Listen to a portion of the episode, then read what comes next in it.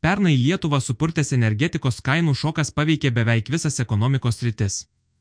Infliacija žemyn nutempė gyventojų perkamąją galę ir vartojimą, o dėl aukšto energetikos kainų dalis pramonė stabdė gamybą.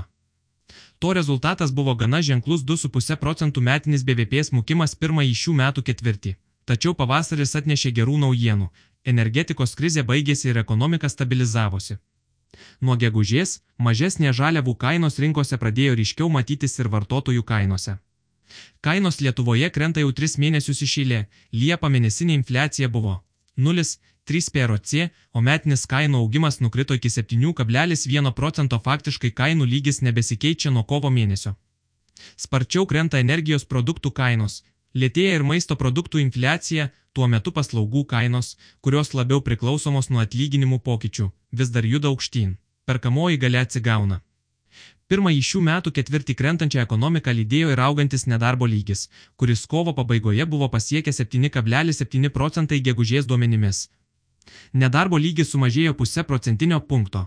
Darbo rinkoje rimtesnių problemų atrodo išvengta. Atlyginimai taip pat auga gan sparčiai. Svetbank klientų duomenimis, antrąjį metų ketvirtį atlyginimai buvo apie 12 procentų didesni nei prieš metus. Prie to prisidėjo spartus minimalaus atlyginimo didėjimas, be to, aukštos infliacijos ir augančių verslų apyvartų aplinkoje darbuotojams neretai lengviau įsidėrėti didesnį darbo užmokestį. Praėjusiais metais atlyginimų augimas niekaip nepavijo infliacijos, gyventojų perkamoji gale traukėsi ne dešimtadaliu. Infliacijai šiemet atsitraukiant, o atlyginimams toliau kylant, perkamoji gale vėl pradėjo aukti. Darbo užmokestis, įvertinus infliaciją, antrą metų ketvirtį jau buvo didesnis nei prieš metus. Tai pradeda atsispindėti ir vartojimo statistikoje. Mažmeninė prekyba birželį buvo pusę procento mažesnė nei prieš metus, tuo metu pirmąjį ketvirtį buvo matomas daugiau nei 4 procentai kritimas. Pramonė stabilizuojasi, tačiau eksporto augimui sąlygų nėra. Pramonės gamybos dugnas buvo pasiektas šių metų pradžioje, o nuo to laiko stebime stabilizaciją. Visa apdirbamoji gamyba birželį buvo net 7,4 procentai didesnė nei prieš metus, tačiau per daug džiaugtis nevertėtų. Pernai vasarą Orlem buvo laikinai sustabdžiusi gamybą dėl planinio remonto, o Achema - stipriai sumažinusi trašų gamybą dėl per aukštų dujų kainų. Šioms įmonėms atnaujinus veiklą, pramonės rodikliai itin pagerėjo. Tačiau atmetus naftos produktų gamybą, pramonė per metus traukėsi beveik 5 procentai. Prekių eksportas taip pat kiek stabilizavosi, bet gana žemame lygyje. Lietuvoje pagamintų prekių gegužė eksportuota 6,6 procentai mažiau nei prieš metus, palyginus. Kovo mėnesį kritimas viršijo 13 procentų prie neigiamų eksporto tendencijų prisideda ir krentančios eksporto kainos. Kita vertus, paslaugų eksportas auga net ir nepalankiomis sąlygomis bei buvo 5 procentai didesnis nei prieš metus. Stiprus paslaugų eksporto augimas ir stipriai sumažėjusios importuojamos energijos kainos ženkliai pagerino Lietuvos prekybos balansą, kuris po metų pertraukos vėl tapo teigiamas. O tarptautinė prekyba teigiamai prisidėjo prie Lietuvos BVP augimo antrąjį ketvirtį. Viešosios investicijos stabilizuoja ekonomiką. Investicijos irgi stebina atsparumu.